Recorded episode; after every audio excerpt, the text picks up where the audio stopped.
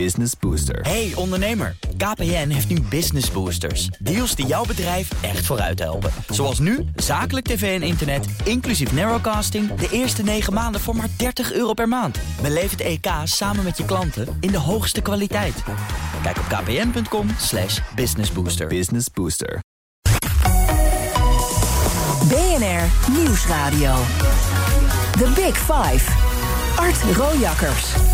Goedemorgen, fijn dat je luistert naar BNR's Big Four deze week. Na de politieke chaos van vorige week zijn alle ogen gericht op Den Haag. Ook vandaag weer. Cenk Willink spreekt met al die fractievoorzitters...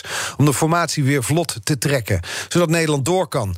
Ik volg de ontwikkeling deze week op de voet... met analisten en journalisten die dicht bij het vuur zitten. Wat gebeurt er achter de schermen? Zij houden ons op de hoogte in BNR's Big Four van de formatie. Met vandaag NRC-journalist Petra de Koning hier. Goedemorgen.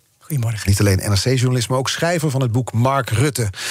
We beginnen hier met drie stellingen. Uh, de eerste, mag je met ja of nee op antwoorden. Eerste, ik denk dat Mark Rutte wel gelogen heeft. Uh, ja. Ondanks dat ik een boek over hem heb geschreven... ken ik Mark Rutte eigenlijk nog steeds niet goed. Dat klopt. Dat klopt. En mijn undercover avontuur bij de ChristenUnie was het leukste dat ik ooit gedaan heb in mijn journalistieke carrière. Absoluut een van de allerleukste dingen. We komen erover te spreken, want dat was bij die formatie. ChristenUnie ging mee formeren en jij mocht van binnenuit meekijken. Laten we eerst de actualiteit nalopen, want een week geleden dacht jij nog dat het misschien wel het einde van het tijdperk Rutte was. Maar nu, paar nachten slapen, alles lijkt weer goed te komen voor hem. Hoe kan dat toch? Ja, dat is ongelooflijk. Maar dat is de methode Rutte, hè? wachten, afwachten. Als je niet echt weg hoeft en hij had die, die motie van wantrouwen overleefd... Um, ja, dan, dan wacht hij af. Dan wacht hij tot uh, de rookwolken zijn uh, opgetrokken van de, van de oorlog, zou je kunnen zeggen, Ja. die zich afspeelde in de Tweede Kamer. En is het echt alleen maar wachten of is hij achter de schermen heel druk om dan bijvoorbeeld zo'n VVD-campagne als die we afgelopen weekend zagen met al die prominenten die voor hem opkwamen om dat te regisseren? Dat doet hij niet zelf hoor. Dat laat hij de mensen om hem heen doen. Daar heeft hij hele, hele slimme adviseurs voor. Maar het, het- het beeld wat je schetst van een man die gaat zitten wachten tot de rookwolken optrekken, zo is het echt. Nou, dat, heeft, dat doet hij al vanaf dat hij voorzitter was van de JOVD, eind jaren 80, begin jaren 90. Als het heel ingewikkeld was, dan was een van zijn methodes afwachten. Want heel vaak lossen dingen zich vanzelf op. Ja. Dat zag je ook bij de uitslag van het Oekraïne-referendum. Afwachten.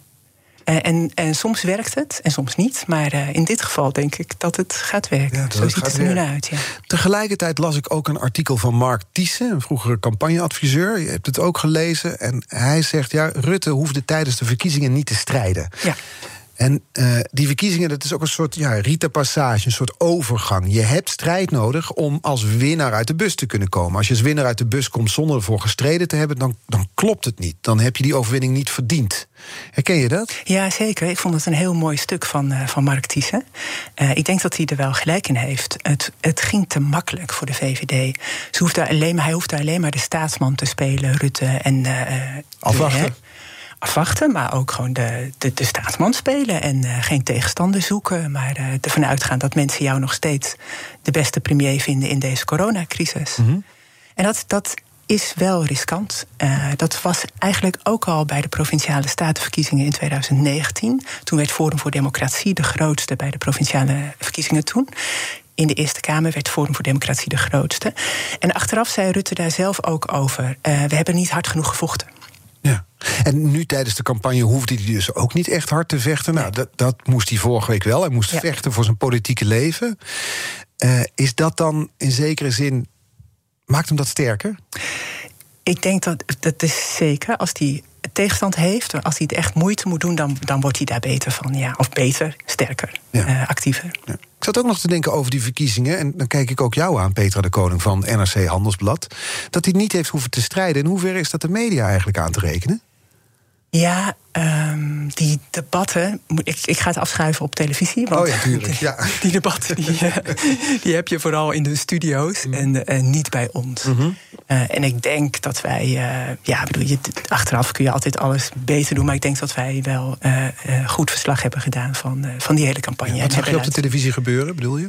Nou, dat, dat uh, Rutte steeds Wilders koos voor de debatten... en dat, dat keer tegenover hem stond... Ja. dat, is, dat is op een gegeven moment echt niet meer spannend. Nee. Dat, dat verhaal kennen we wel. Het is ook een beetje een rituele dans die dan wordt opgevoerd. Je weet van tevoren eigenlijk altijd zo... Ja, je kan bijna de bingo invullen, de bingo-kaart. Ja, ja wat precies. dat is jammer. Dat is jammer. Ja.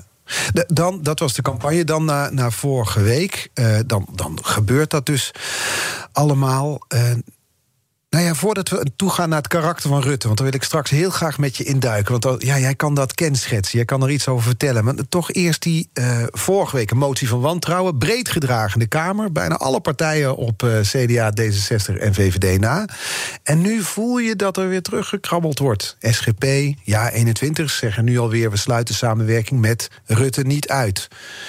Dat is dus die afwachtmethode. Gaan er meer partijen volgen, denk je? Nou, dat, dat is de vraag. Hè. De vraag is wat gaan de, kleine, of de kleinere linkse partijen doen? Hè? Gaan, die, uh, gaan die volhouden dat ze niet met Rutte willen? Uh, daar, zo klonk het afgelopen week in elk geval bij Jesse Klaver niet. Dus dat, dat biedt allerlei mogelijkheden. Ja. En Cenk Willink heeft heel duidelijk gezegd dat hij, dat, dat hij daar niks van moet weten. Dat het uitsluiten van mensen, dat nee, uh, gaan hij niet aan meedoen. Nee, nee precies. Maar wat is het belang van partijen? Als Haagse journalist kan je dat hopelijk beter duiden... dan deze argeloze nieuwsconsument. Wat is hun belang om dit zo te zeggen? Om Rutte niet uit te sluiten. Ja, uh, ja dat, is, dat is een hele goede vraag. Ik denk dat GroenLinks wil gewoon heel graag meeregeren. Dat, dat blijkt uh, uit alles. Dus als zij hem keihard uitsluiten... dan is de kans dat ze in de oppositie uh, belanden opnieuw heel groot. en de SGP, ja, de SGP... Um, kan nog wel eens gewoon een constructieve rol gaan spelen. En de SGP die wil dan, hè, die heeft zijn, de motie van wantrouwen gesteund en die vindt dat hij weg moet. Mm maar wil dan ook, hij is niet weg, wil dan ook uh, staatsrechtelijk gezien gewoon een, een rol spelen, een zuivere rol spelen. Van, nou, hij is er nog, we gaan het uh, kijken hoe het loopt. Ja, en nu ben jij werkzaam op Binnenhof, je bent een kenner van wat daar gebeurt. Dus jou verbaast dat misschien niet eens. Maar toch, voor mensen die daar verder vanaf staan, de mensen in het land heet het dan, die kijken ernaar en die denken: vorige week motie van wantrouwen, deugde er niks van Rutte. En nu kunnen jullie weer misschien met hem gaan samenwerken. Hoe kan dat nou? Ja, ja, dat begrijp ik heel goed. Um, dat moeten zij dus uitleggen. Dus moeten wij aan hen vragen waarom ze dat doen. En dat gebeurt ook elke keer. Hè? Mhm. Elke keer als die politici daar uit het kamertje komen op het binnenhof, dan, uh, dan, sta je er dan, weer. dan staan we er weer. Ja, ja. Ja, Maar doet het iets met het vertrouwen in de democratie, denk je? Dat, dat, zou, dat zal over een tijdje moeten blijken uit uh, onderzoek. Maar ik kan me voorstellen dat dit echt geen goed doet aan, uh, aan het vertrouwen. En dat bleek trouwens ook al uit de toeslagenaffaire. Hè. Toen is er ook uitgebreid onderzoek gedaan. Dat gaf ook al een deuk aan het vertrouwen bij burgers in de politiek en de overheid. En dat kan in zekere zin ook Mark Rutte zich aanraken, aan, uh, nou ja, hoe zeg je dat nou? Aantrekken. Aanrekenen, dat was het. Aanrekenen, ja. ja. dat kan hij zich aanrekenen natuurlijk, Mark Rutte. Ja, en de grote vraag zal zijn de komende tijd lukt het hem om dat weer van zich af te schudden. Hij heeft wel eens vaker een enorm geloofwaardigheidsprobleem gehad. Dat was in, uh, bij de verkiezingen van de vorige verkiezingen van 2017. In 2016, net voordat die campagne begon, bleek dat uh, die gebroken beloftes van hem uit de campagne van 2012 mm -hmm. nog steeds een belangrijke rol speelden. Ja, dat waren nogal wat, die 1000 euro bijvoorbeeld. Precies. Cent extra naar de Grieken. Hypotheekrenteaftrek, zou hm? niks aan veranderen. En uh, hij in. in de beeldvorming was hij de premier van de gebroken beloftes. Dus dat vond de VVD toen een enorm probleem. Daar hebben ze een, een, uh, een plan voor bedacht. Dat werkte toen wel. Toen ging hij sorry zeggen. Toen zou het opeens, ging de campagne veel meer over hem als mens. Weet je, wil je een aardige premier in het torentje? Daar ging het opeens over. Nederland moest Rutte leren kennen. Hij zat er toen al zes jaar als premier, maar uh, dat was toen de boodschap. Maar Nederland moest Rutte leren kennen. Ja. Je hebt een boek over hem geschreven. Jij zegt zelf al, ondanks dat ik dat boek heb geschreven, ken ik hem eigenlijk nog steeds niet goed. We hebben geen idee wie dit land leidt al tien jaar. Nou ja, nee, ja, dat, dat is ook uh, om helemaal in iemands hoofd te kijken, dat is natuurlijk niet te doen. Mm -hmm. En wat bij Rutte, denk ik, voor veel kiezers uh, een rol speelt, is dat ze niet zo goed, ja, ze, ze, ze, kunnen het niet zo goed plaatsen. Hij is steeds hetzelfde, hij is altijd maar vrolijk. Uh, en hoe zit het met dat hij niet getrouwd is? En weet je, kiezers hebben daar heel veel vragen over. Ja. The Big Five. The Big Five. Art Rojakkers. Deze week vijf, vier, vier Art. Het zijn vier kopstukken uit de wereld van de formatie. Ik zou het nu toch moeten weten op vrijdag. Het is de Big Four deze week. Mijn gast is NRC-journalist Petra de Koning vandaag. Naar aanleiding van tien jaar premierschap van Mark Rutte... schreef ze een boek over hem met de titel Mark Rutte. We gaan eens proberen die man te duiden die dus ons land leidt. nog even over die actualiteit. Heeft hij gedacht, heeft hij even gedacht, ik ga ermee stoppen, denk je? Uh, dat kan ik me niet voorstellen. Nee, dat, ik denk niet dat dat in zijn hoofd opkwam. Ik denk wel dat hij. Hij is zo verbonden met de politiek. Precies, dat is wat hij altijd wilde. Ik denk wel dat hij die donderdagnacht uh, moet hebben beseft dat het aan, een, zijde, aan een, uh, een heel dun draadje hing. Dat als die motie van wantrouwen wel was gesteund door de ChristenUnie, dan was hij nu geen premier meer geweest. En dat, dat hing er echt om. Ja, maar zelf opstappen heeft hem. Nee, dat zal nooit gebeuren. Dat, ja, hij zal wel een keer opstappen, maar op, op zo'n moment dan niet opgeven. Ik denk dat, dat, uh, dat hij dat qua karakter niet, uh, niet uh, kan doen. Nee, nee. Dat karakter gaan we eens proberen te duiden. Want je hebt, ik zei het al, je hebt voor jouw boek Rutte zelf gevolgd, maar ook veel mensen uit zijn omgeving gesproken, ook met toestemming van Mark Rutte zelf. Daar stijgt een beeld uit op van een man met een ernstige vorm van controledwang. Probeer het zomaar te duiden. Wat ik bijvoorbeeld treffend vond, is het verhaal van huisje 91. Zou je dat eens willen vertellen? Huisje 91. Ja, hij gaat met zijn uh, familie. Hij ging met zijn familie elk jaar naar uh, Putten op de Veluwe. En dan hadden ze in dat bungalowpark altijd hetzelfde huisje gehuurd.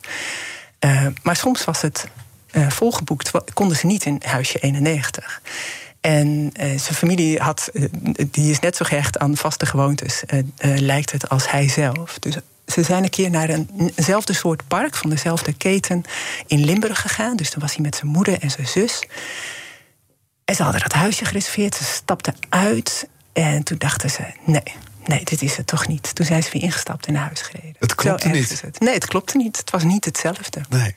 Daar sluit de kettingvraag van Julia Wouters, die hier gisteren uh, te gast was, uh, mooi op aan. Zoals natuurlijk de rechterhand van Lodewijk Asje heeft ook dus met Rutte te maken gehad. Zij had deze vraag voor jou. Nou, zij heeft dus een boek geschreven over Mark Rutte... en dat heeft ze op de Petra de Koning manier gedaan. Dus niet even een vluggertje, maar ze heeft daar jaren research aan gedaan. Ze heeft iedereen die langer dan 10 minuten in één ruimte met Mark Rutte geweest is, op achtergrond gesproken. Mij ook.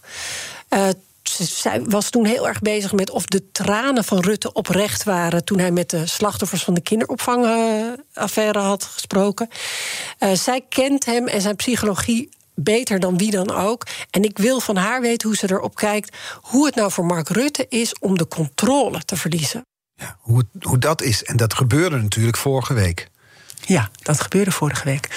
En je zag dat um, heel goed, volgens mij, op het moment dat Segers hem ging aanspreken op die leugen. En toen werd hij boos. Werd hij, en dat is wat hij heel vaak heeft als hij de controle verliest. Dan kan hij zijn beruchte woedeuitbarstingen krijgen. Kijk, zo echte woedeuitbarsting in het openbaar heeft hij nog nooit gehad. Maar je, je kan er wel iets van zien op die momenten. Zoals toen met Zegers. Dat hij dan zegt van ja, maar ik heb u toch nooit belazerd. En dat was. Uh, terwijl dat als je het over controle hebt, was het een onhandige reactie hoor. Want mm -hmm. de ChristenUnie wilde dat hij uh, deemoedig was, dat hij toegaf dat het verkeerd was gegaan. En die, die, die wilde van hem een heel andere houding zien. En toen werd hij boos. Dat was uh, van deze superhandige politicus wel een onhandige yeah. uh, beweging. Een Toen was hij de controle even kwijt. Ja, en dat deed me denken trouwens aan uh, 2009. Toen was hij nog geen premier, maar wel al een paar jaar leider van de VVD.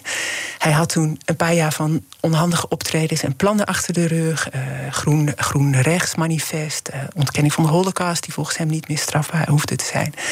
De VVD stond in 2009 op 12 zetels in de peilingen... en het hoofdbestuur wilde hem toen weg hebben. Ivo Opstelten, die was toen partijvoorzitter... die heeft het uh, voor hem opgenomen, die heeft hem gered.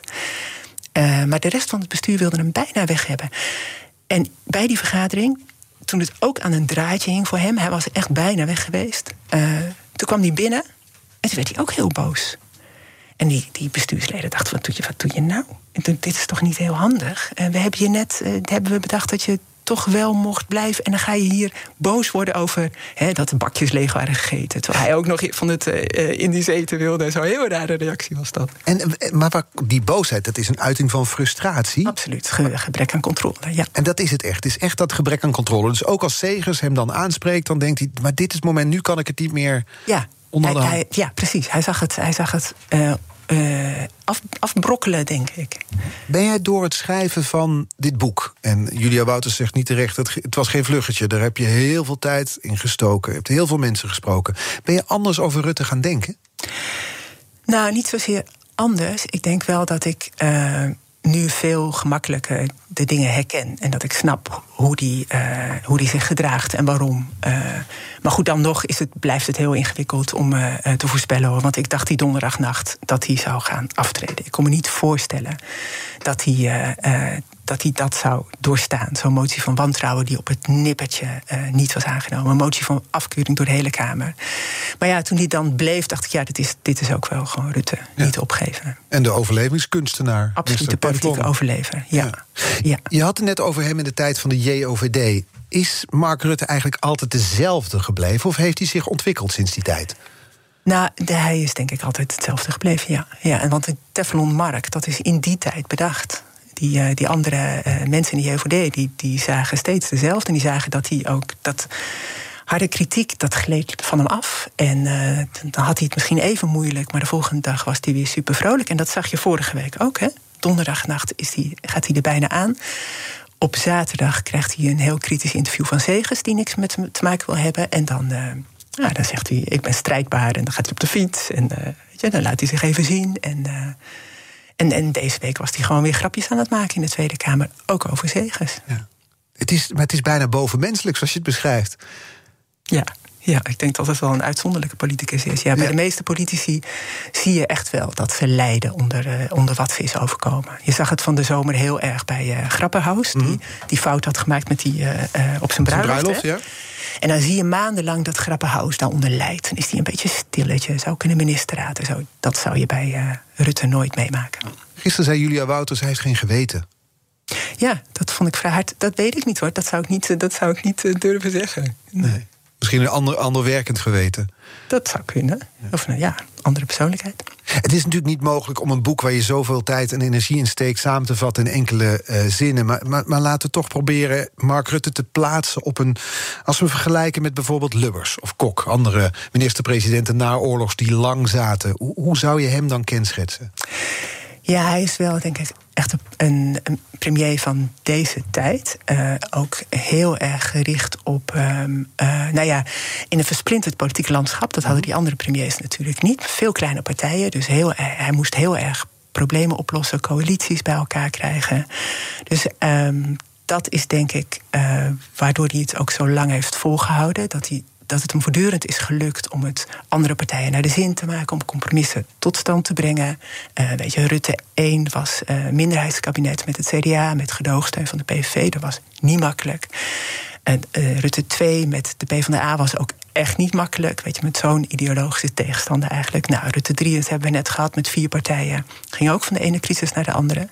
Dat is waar die, um, denk ik, zelf het meest van geniet. Als die de hele dag door problemen kan oplossen. Ja, dat is eigenlijk misschien wel zijn, zijn drijfveer. En dat is ook het verschil met Lubbers en Kok. Die konden hoekig zijn, omdat ze eenmaal niet met die versplintering te maken hadden. Dus wat dat betreft past Rutte bij deze tijd, bedoel ja, je? precies. En het bijzondere is ook wel dat Rutte dat zelf al uh, in zijn JOVD-tijd zag aankomen. Want toen konden mensen hem al horen zeggen dat hij premier wilde worden. En dan moest iedereen om, om hem heen lachen, want de VVD was nooit de grootste partij geweest. En dan zeiden ja, dat is waar, maar uh, de politiek versplintert. En wij kunnen de uh, grootste kleine partij van Nederland worden. Nou, zo ging het wel. Ja. Het feit dat hij, daar is, die, dat citaat is vaak aangehaald. Ik, eh, visie voor visie moet je maar naar de oogdokter, naar de oogarts. Helpt dat in deze tijd? Dat hij geen visie wil hebben? Uh, dat zou ik niet zo goed weten. Hij heeft wel vreselijk veel spijt gehad hoor, van die uitspraak. Ja, ja, ja. ja. Want het, het, wordt hem voortdurend nagedragen. Precies. En, uh, Weet je, zijn verhaal is dan: ik, ik wil daar niet. Uh, ik, ik kom niet met grote vergezichten. Het gaat mij om. Uh, maar ik wil, weet wel wat ik wil met Nederland. Dus uh, hij probeert dat aan alle kanten recht te zetten. Maar heeft hij dan wel een visie? Nou, de afgelopen campagne begon hij er wel eens over, hè, over een visie. dus hij probeerde heel voorzichtig dat, dat beeld om te buigen, volgens mij. Nou, ik, hij uh, wordt denk ik niet zo heel erg gedreven door ideologie. Hij, uh, het is wel een liberaal in die zin. leven en laten leven hij vindt hij heel erg belangrijk. Je mhm. moet je eigen gang kunnen gaan en je eigen leven kunnen inrichten zoals je dat zelf wil. Maar het is, hele, het is een atypische VVD'er, dat zegt hij van zichzelf ook. Weet je. Hard rijden op de snelweg vindt hij helemaal niet zo belangrijk. Eigen huis, veel geld verdienen, dat interesseert hem vrij weinig. Hm.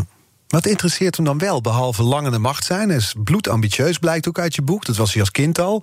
Toen speelde hij al premier, of tenminste politicus... die geïnterviewd moest worden door klasgenoten. Die controledwang, is dat wat hem drijft, die twee, twee elementen? Ja, een, een rol spelen in de politieke geschiedenis. Punt. Dat wilde hij eigenlijk altijd. Maakt niet uit wat voor rol, als hij maar een rol speelt. Ja, dat is wel bijzonder. Hè? Want hij heeft dus al vaker zo'n heel zo van die dieptepunten meegemaakt. Ook uh, in 2007 al. En toen leek het er ook op dat hij zou worden uh, afgezet door, het door leden op het partijcongres. Toen had hij net Rita Verdonk uit de fractie gezet. Heel veel gedoe geweest. Mm -hmm. En toen zei hij op die ochtend van het congres, toen de Telegraaf ook al dacht dat hij wegging, zei hij tegen de medewerker: uh, Nou jongen, we hebben een mooie tijd gehad. Dit wordt onze laatste dag. Laten we er tot het eind toe van genieten. Daar moest ik vorige week ook wel aan denken. Ja, dan, misschien heeft hij dat wel weer gezegd tegen de medewerker. Jongens, dit hoort erbij. We gaan er tot het eind toe van genieten. Ja. Maar zelfs die dieptepunten horen dus bij zo'n politieke carrière als je die wil hebben. Ja. En ook daar kan hij van genieten. Kennelijk, hè? Ja. We gaan straks praten over het formatieproces... wat nu dus weer hortend en stotend uh, op gang aan het komen is... onder leiding van Cenk Willing. Want vier jaar geleden kreeg NRC-journalist Petra de Koning... de unieke kans om dat proces van binnenuit te volgen. Zometeen meer aan BNR's Big Four. BNR Nieuwsradio. The Big Five. Art Rojakkers. Welkom bij het tweede halfuur van BNR's Big Four. Deze week vier kopstukken uit de wereld van de formatie... met vandaag de gast NRC-journalist Petra de Koning. Ze schreef een boek over Mark Rutte. Daar spraken we al over. We gaan het nu hebben over de formatie. Cenk Willink is vandaag weer aan het spreken met alle partijleiders. Net als Thierry Baudet bij hem hoorden we in het nieuws. Die wil een zakenkabinet zonder Mark Rutte. Um, dus dat gebeurt nu allemaal. Het is nu gaande daar in Den Haag. Jij was er in 2017 bij. Dit is natuurlijk nog verkenning. Uiteindelijk gaat dit over informatie. Jij mocht dat van binnenuit volgen. Ja, dat klopt. Ik had uh, de afspraak kunnen maken met de ChristenUnie dat ik uh, uh, hun kant zou kunnen volgen. Dus dat hadden we al afgesproken voordat zeker was dat zij zouden meedoen aan de formatietafel. Dus ik dacht, weet je, ook als ze niet gaan meedoen uiteindelijk, dan ga ik toch het verhaal maken over hoe zo'n kleine partij zich daarop voorbereidt en hoe ze alles aanzien vanaf de zijlijn. Maar ja, uh, na twee mislukte pogingen met GroenLinks kwamen zij aan tafel. En toen was het natuurlijk, uh, had ik enorm veel geluk. Ja, en ik zei in het begin al, dat het was een undercover avontuur. En het leukste wat ik journalistiek ooit gedaan heb, was de stelling. Toen zei je ja zeker. Want jij kreeg toegang tot de vergaderingen, aantekeningen uit gesprekken met andere partijen. Wat ja. leerde je ervan? Ja, dat, uh, dat zo'n formatie veel meer van mensen afhangt dan ik zelf had gedacht. Um, Bedoel je dat? Nou, dat, dat de, de omgang tussen mensen, de afspraken die ze dan maken, de, weet je, of het klikt of niet. En hoe ze dan uh, soms staan, gaan roken op een rookbalkon en hoe dan uh, uh, conflicten worden opgelost. Hoe Rutte zich dan gedraagt in zo'n situatie. Weet je, als hij de, de, problemen kan oplossen, dan, dan is hij in zijn element. Dus dat, dat heeft hij ook een paar keer echt gedaan. Dus hoe, hoe iedereen zich gedraagt, hoe, hoe soms oplossingen worden bedacht. Um, ja, het is, uh, ik, ik heb ontzettend veel van geleerd over politiek. Ja. Nog heel even hoe je het voor elkaar kreeg, daar was ik eigenlijk wel benieuwd naar. Ja, dat is, ja, dat, dat is wel. Uh, Journalistiek handwerk. ja, geluk hebben ook. Uh, het, was niet, het lag niet voor de hand. Uh, NRC is niet de krant van de achterband van de ChristenUnie. Het was voor hen ook wel een, een avontuur natuurlijk. Ja. Ja, het is, uh, het is me gewoon gelukt. Ja, ja. Des te knapper dat het gelukt is natuurlijk. Je zei, het is mensenwerk. Misschien wel meer dan je vooraf dacht. Nee, ja. niet misschien, meer dan je vooraf dacht. Zeker. Wat zegt het over dat spel dat aan een tafel wordt gespeeld? Dat, ja, dat het een, een echte onderhandeling is met, met uh, uh, karakters en, uh, en inzet en iets weggeven en er iets voor terugkrijgen. En, weet je, dat dus ook, ruilen, uitruilen. Uitruilen, maar ook de baas spelen, intimidatie speelt allemaal een rol. Weet je, en helemaal aan het eind ging het over de verdeling van de ministersposten. Ja, en toen noemde Gerrit Salm, die toen de informateur was, die noemde het een free fight.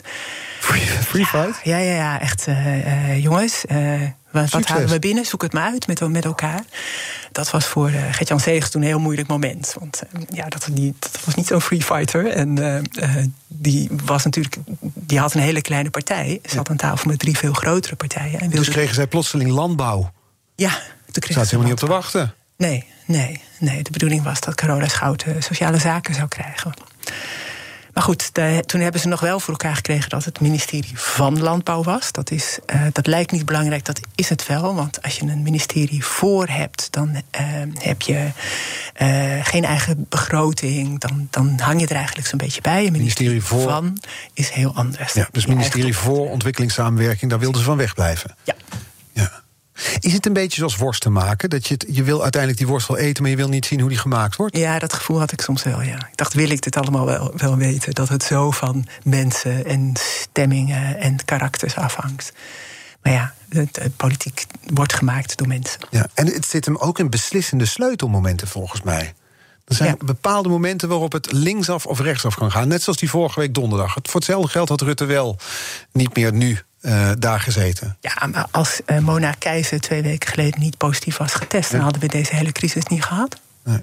Nee. Daarna kreeg, uh, was Ollongren positief getest. Die zou zich helemaal niet hebben getest, want die had nergens last van. En ja, weet je, als zij liep met die aantekeningen naar buiten, waardoor die hele crisis ontstond. En iemand van de woordvoering, die was mhm. net bezig met een persbericht. Als die haar naar buiten had zien lopen, dan had hij waarschijnlijk gezegd: uh, Kaisha, draai dat even om, dat papier. Dan was het nu allemaal heel anders. Ja, en zo wordt politieke geschiedenis geschreven. Ja.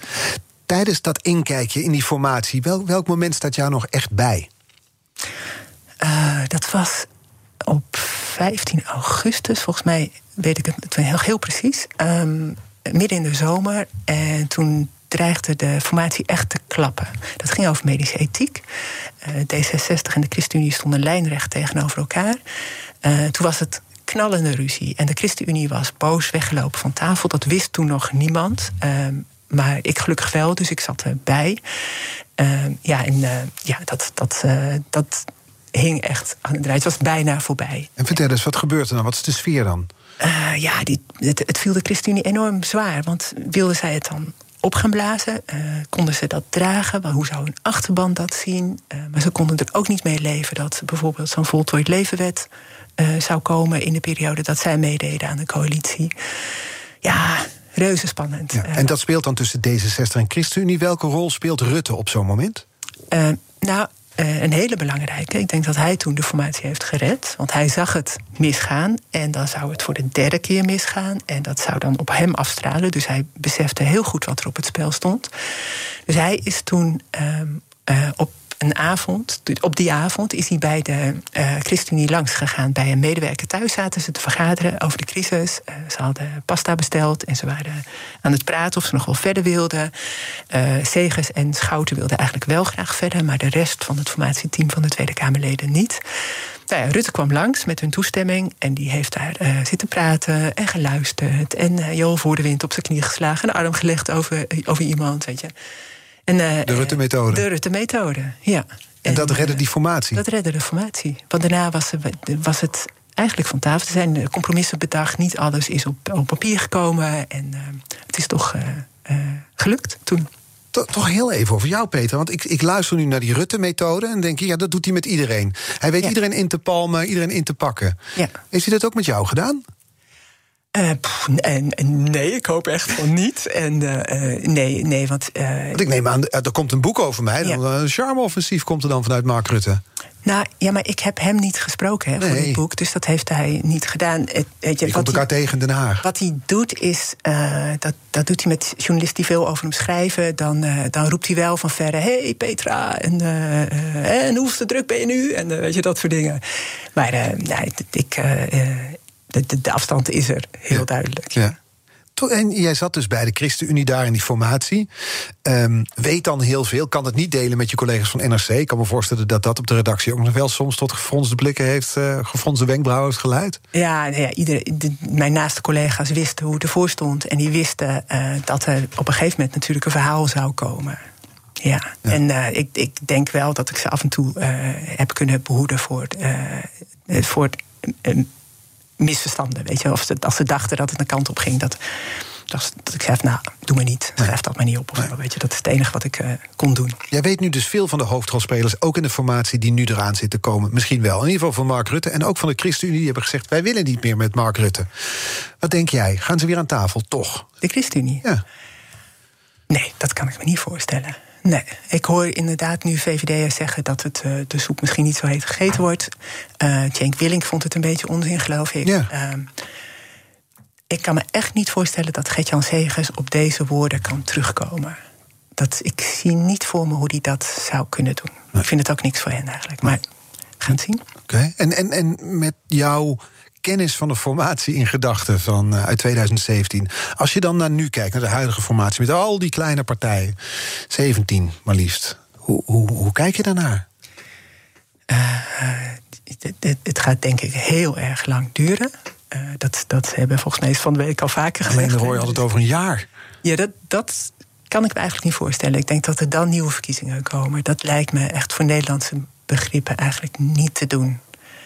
Uh, dus als, het, als er een paar pogingen mislukken, kan ik me voorstellen dat er gewoon opnieuw verkiezingen komen. Ja. Dus dat betekent, maar binnen die snelle formatie die Mark Rutte nee, wil. Die, die komt er zeker niet. Nee. nee. nee, Want dit betekent dus dat er. Nou ja, er, er moet aan alle kanten moet er dan met een heleboel verschillende partijen onderhandeld worden. Dan komt dus wel weer die, die Rutte-methode goed van pas. Schouderklopje hier, hand op de knieën daar. Ja, zeker. Maar ik, ik denk dat hij niet heel erg een prominente rol kan spelen voorlopig. Uh, dat, dat wil D66 ook niet. Die heeft hem echt naar de achtergrond geduwd. Uh, dus ik, kijk, en deze crisis is ook ontstaan omdat hij zich ging bemoeien met het CDA, hè? met die uh, ministerschap voor omzicht. Dus mm -hmm.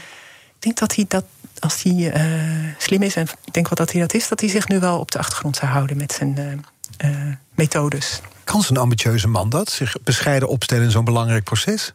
Uh, als zijn naaste adviseurs zeggen dat hij dat moet doen, moet doen. En dat als hij zich dat uh, nadrukkelijk voorneemt, denk ik dat hij dat kan. Ja. En wie neemt hij dan mee als mede-onderhandelaar of als iemand die het wel moet gaan doen, die jij kan influisteren? En Mark Harbers wordt de uh, secondant, dus ja. die wordt de mede-onderhandelaar. En die gaat dan ook over de inhoud? Of? Ja, heel erg over de inhoud, ja. ja. Want dat is volgens mij ook de Rutte-methode, toch? Hij zet er iemand anders neer die de, de harde onderhandeling namens de VVD doet. Ja, en dat was bij de vorige formatie ook. Want hij was toen natuurlijk ook gewoon uh, demissionair premier. Dus hij moest van alles doen en uh, naar Brussel en uh, andere problemen oplossen. Dus dat was ook toen Halbe Zijlstra die het meeste voor zijn rekening nam. Ja, en dan zet hij dus eigenlijk, want dat is volgens mij ook de manier, Rut, je zet altijd e e minimaal één iemand tussen jou en het probleem. Ja, ik denk niet dat je die onderhandelingen zo kan zien. Hoor. Ik denk niet dat hij dan toen Halbe Zijlstra zou hebben opgeofferd als er een probleem ontstond of zo. In de momenten uh, dat het echt erom hing, ook bij de formatie, ook over VVD-dingen, stapte hij wel zelf naar voren en maakte hij er zelf wel een punt van. Ja, dat is dus daar, ja. daar werkt het niet zo. Dan pakt hij, dan, uiteindelijk pakt hij, dan wacht hij niet af, maar pakt hij de regie. Ja. Dankjewel, yes. Nina. BNR Nieuwsradio. The Big Five. Art Rojakkers. Je luistert naar BNR's Big Four van de formatie... met vandaag de gast NRC-journalist Petra de Koning... schrijver ook van een boek over Mark Rutte. Cenk Willink is nu dus zijn gesprekken aan het voeren. Hij zei zelf, het is een beetje armoedig. Zo'n 79-jarige man, om die dan weer de formatie te laten opstarten... de verkenningsfase, heeft hij gezegd op een lokaal radiostation in Den Haag. Hoe kijk jij daarnaar? Uh, ja, uh, ik, die man heeft veel gezag... en hij heeft allerlei ideeën over het bestuur in Nederland... Mm -hmm. Ik vind het een, een logische keuze. Ja. Ik denk dat anderen het ook al hadden kunnen doen hoor. Kim Putters werd veel genoemd, directeur van het Sociaal en Cultureel Planbureau. Die had ik het ook wel zien doen. Ja, en um, als je zegt het is mensenwerk, want daar ben je achter gekomen door jouw uh, undercover avontuur bij de ChristenUnie, dan is zo iemand met zo'n autoriteit als Cenk Willink uitermate belangrijk in zo'n proces. Zeker. En uh, die heeft, hij heeft uitgesproken ideeën over hoe het moet met Nederland, met het bestuur. Uh, hij, hij, zegt dat ook gewoon. Dus hij, hij zei ook hè, van de week: als er dingen vertrouwelijk moeten gebeuren, dan ga ik ze gewoon vertrouwelijk doen. Ondanks. Uh, en dan zijn er weer mensen boos over. Hè? Joost, ja. Joost Eertmans hoor ik erover. Ja, die vindt dat alles transparant moet. Ik denk dat als, als je echt elk verslag openbaar maakt. Ik hou van openbaarheid. Hè? Ik hou ervan om uh, zeker om als eerste uh, iets te weten wat nog niemand weet. Maar als je alles openbaar maakt, dan denk ik dat we heel snel uh, nieuwe verkiezingen hebben. Want? Dat, want dat, dat lukt niet. Die totale transparantie bestaat misschien wel niet. Nee, nou, als ik terugdenk aan de formatie van de vorige keer, als dan elke dag naar buiten was gekomen uh, wie had, wat had gezegd, wie ruzie had met wie, wat geëist werd, wat er toegegeven werd, was het nooit gelukt. Want? Waarom niet? Ja, omdat mensen dan uh, gezichtsverlies lijden voor een achterban. Weet je, als het was één keer een heel een, uh, een, een stuk in het AD, toen waren formatie gespreksaantekeningen waren gelekt of ge teksten uit het regeerakkoord. Mm -hmm. Nou, dat, dat knalde het echt bijna op. Ja, omdat, dan, omdat we dan zien wat er binnenskamers wordt besproken. Precies, ja. De, daar stond toen van, nou, dan krijgt D66 dit en de ChristenUnie dat. En uh, ja, dat, dat weet je dan, weet je nog niet wat er in zijn geheel is afgesproken. Dus wat de ChristenUnie misschien nog meer krijgt, of D66 nog meer, maar wel wat ze hebben opgegeven. En dan, uh, dan staat de achterban al op zijn achterste been. Dat gebeurde toen ook. Ja, maar kijk, er lekt natuurlijk altijd wat uit. Maar die, dit, dat is nog iets anders dan totale transparantie. Ja. Ja. Maar toch is dat waar we naar op zoek zijn, blijkbaar. De nieuwe politiek. We horen er de hele tijd over nu. Ja, en uh, dat, is, uh, dat is nu enorm uh, belangrijk. Wordt dat belangrijk gevonden? Ik ga, we gaan zien hoe, hoe dat uitpakt in Den Haag. Ja, jij gelooft niet in, de merk al lang. nee, nou ja, maar goed. Maar op sommige momenten werkt het wel. Zoals Wilders vorige week, of deze week was het. Nou, boven kreeg dat, dat Kaag en Rutte met elkaar gebeld hadden over de Kamervoorzitter. Ja. Zo, het is wel leuk om dat soort inkijkjes te krijgen. Ja, en de knipoog die we allemaal vervolgens konden zien daar in de. de Reken maar. Ja. Nou is Nederland een land van compromissen. En met zoveel kleine partijen zal het wel meer dan ooit nodig zijn tijdens deze formatie waarschijnlijk. Maar eigenlijk zijn er twee uh, opties dan in zo'n formatie. Je hebt de, de uitruilmethode, zoals PvdA en VVD ooit deden toen ze gingen bruggen bouwen.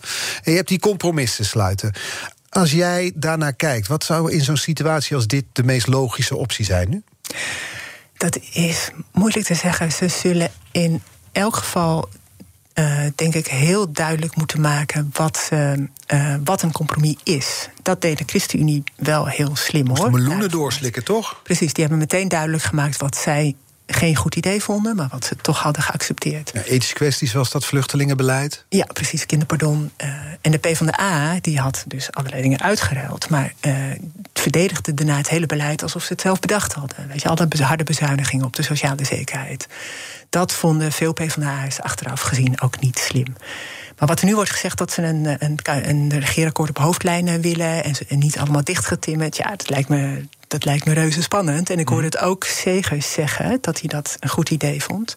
Maar ik denk dat als dat in 2017 zo ver was gekomen, dat het. Ik weet niet of dan het kabinet wel was blijven bestaan hoor. Want dan hadden we misschien wel gewoon een wet voltooid leven gehad. Nu. Ja, ja. Ik ga toch wat pessimistisch zijn, want we hadden het over die versplintering met al die kleine partijen die allemaal voor deelbelang opkomen. Um, niet dat zij allemaal straks mee gaan formeren, maar het is dus belangrijker dan ooit voor partijen om duidelijk te maken wat zij voor hun achterban kunnen betekenen. Terwijl formeren betekent water bij de wijn doen. Dat is misschien dus wel lastiger dan ooit. Ja, ik denk dat je daar gelijk in hebt. Ja, want het, het valt mij op hoe uh, belangrijk de stem nu wordt gevonden hè, van Eertmans en van de Plas. Weet je, die, die zien en horen we overal. Terwijl het toch kleine partijen zijn. Uh, maar ze, ze praten nadrukkelijk mee. Uh, dus dan wordt het nog belangrijker voor die andere partijen om duidelijk te maken voor wie zij opkomen, wat zij bereiken. Ja, nee, dat gaat echt niet meevallen. Ja, want de grote partijen worden anders ook snel gezien als oude politiek. Nieuwe ja. politiek is dus blijkbaar Joost Eertmans van de Plas of Sylvana Simons. Die kunnen vrij uitspreken voor een deelbelang. Maar die grotere partijen zoals D66, CDA, PvdA reken ik ook maar even mee, VVD... die moeten die compromissen sluiten die steeds moeilijker te verdedigen zijn... omdat het oude politiek is. Ja, dus het komt erop aan om wel te laten zien waar de tegenstelling zit wat jou anders maakt dan jouw, dan, uh, jouw regeringspartner. Maar hoe doe je dat als je een coalitie gaat vormen met vijf partijen... en Peter de ja. Koning om je heen zwermt met al die andere journalisten... Ja. die gaan kijken wat er gebeurt? Ja, misschien moeten ze wat minder bang worden voor uh, beeldvorming van conflicten. Moeten ze gewoon zeggen van oké, we zijn het niet met elkaar eens. Uh, en wij vinden dit en wij vinden... maar we gaan wel verder. Het is, het, er wordt heel veel weggemasseerd voor de beeldvorming. En, hoe werkt dat? Kun je daar een voorbeeld van geven? Ik weet niet of ik nu een heel uh, goed voorbeeld heb. Het wordt, in ieder geval, het, het, wordt achter gesloten deuren wordt alles weggemasseerd... en dan komen we eensgezind naar buiten. Dat ja, is wat je bedoelt. Op ministeries lijkt het soms het allerbelangrijkste te zijn... dat een minister niet in de problemen raakt door, door iets. Dus ik denk van, laat, laat zo'n minister dan maar eens in de problemen zitten. Uh, maar laat die minister dan wel gewoon uitleggen... hoe iets tot stand gekomen is. Speelde het ook bij de toeslagenaffaire bijvoorbeeld? Uh, ja, dat, dat, ik heb, dat is niet helemaal mijn nee. terrein. Maar ja, daar, daar is wel heel erg veel geprobeerd ja. om uh, het onder de pet te houden. Dat ja. is, Zullen we eens proberen de toekomst voorspellen? Oeh, dat vind ik het allermoeilijkste. Ja, dat is het ook. Maar daardoor ook het allerleukste natuurlijk. Maar zeker in de politiek, joh. Je weet nooit. Als je vorige week had gezegd dat de Rutte 4 zou komen... dan had ik het echt niet geloofd. En nu denkt iedereen dat dat er gewoon komt. Dus zo snel gaat het. Ja, zo, zoals het nu is, denk ik dat het er wel komt, ja. Maar... Uh, volgende week kan alles weer anders zijn. Ja, precies. En dat Rutte 4, hoe zou dat eruit kunnen gaan zien, denk je? Met welke partijen? Waar hebben we het over, denk je? Uh, nou, we hebben met de redactie een, een pool gedaan. Oh, maar dat was al voor deze hele crisis. En toen had ik voorspeld, ik heb voorspeld, want het blijft staan, vrees ik. Uh, uh, VVD, CDA, D66 en de PvdA. Mhm. Maar nu denk ik dat het vooral voor de PvdA heel moeilijk wordt om GroenLinks los te laten. Andersom zou ik me nog wat eerder kunnen voorstellen dat Ja. dat gebeurt. En Rutte wilde niet met die linkse wolk, maar ja, Rutte heeft niks meer te willen. Nee, hij kan wel, uh, ja, hij heeft nog steeds wel wat te willen als de grootste partij aan tafel natuurlijk. Jawel, maar het is, het, hij is, zijn onderhandelingspo- onderhandelingspositie is natuurlijk een stuk kleiner.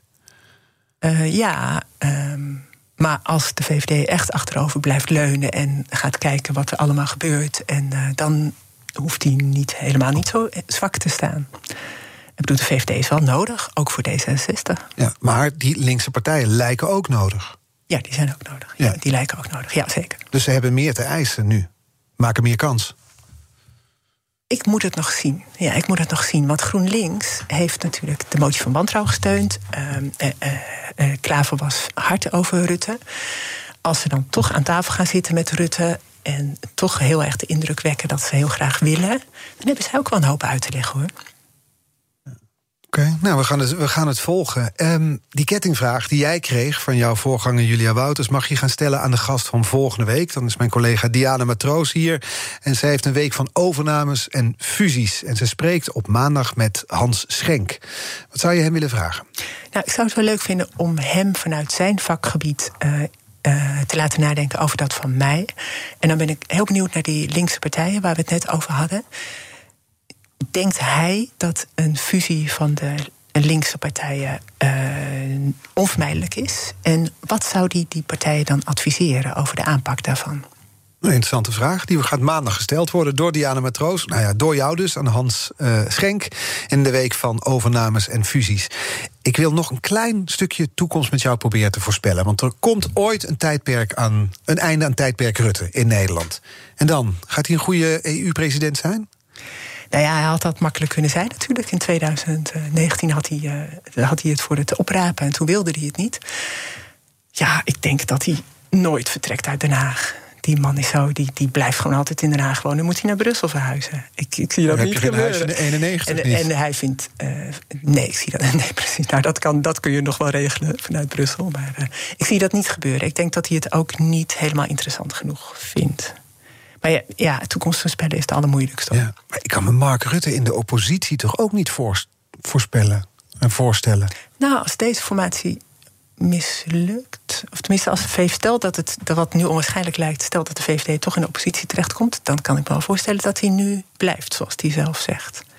Hij wil toch uh, op een dag gewoon de langzittende premier van Nederland worden, joh. En uh, je hoeft het niet allemaal bij elkaar op te tellen. Dus als. Dan komt hij wel weer een keer terug, bedoel Het hoeft niet aaneensluitend te zijn. Je kunt het uiteindelijk bij elkaar optellen, ja. ja. We komen nooit van die man af. Nee, dat dacht ik ook toen die, uh, die donderdagnacht zei. Uh, ik blijf, dacht ik, nou, als hij dit overleeft, dan blijft hij de rest van zijn leven premier. Ja, en nou, en even nog even te gaan. Ja. En wij dus ook. En wij dus ook. Nou, genoeg werk voor jou, Petra. Ja, reken maar. Dank voor je uh, komst vandaag.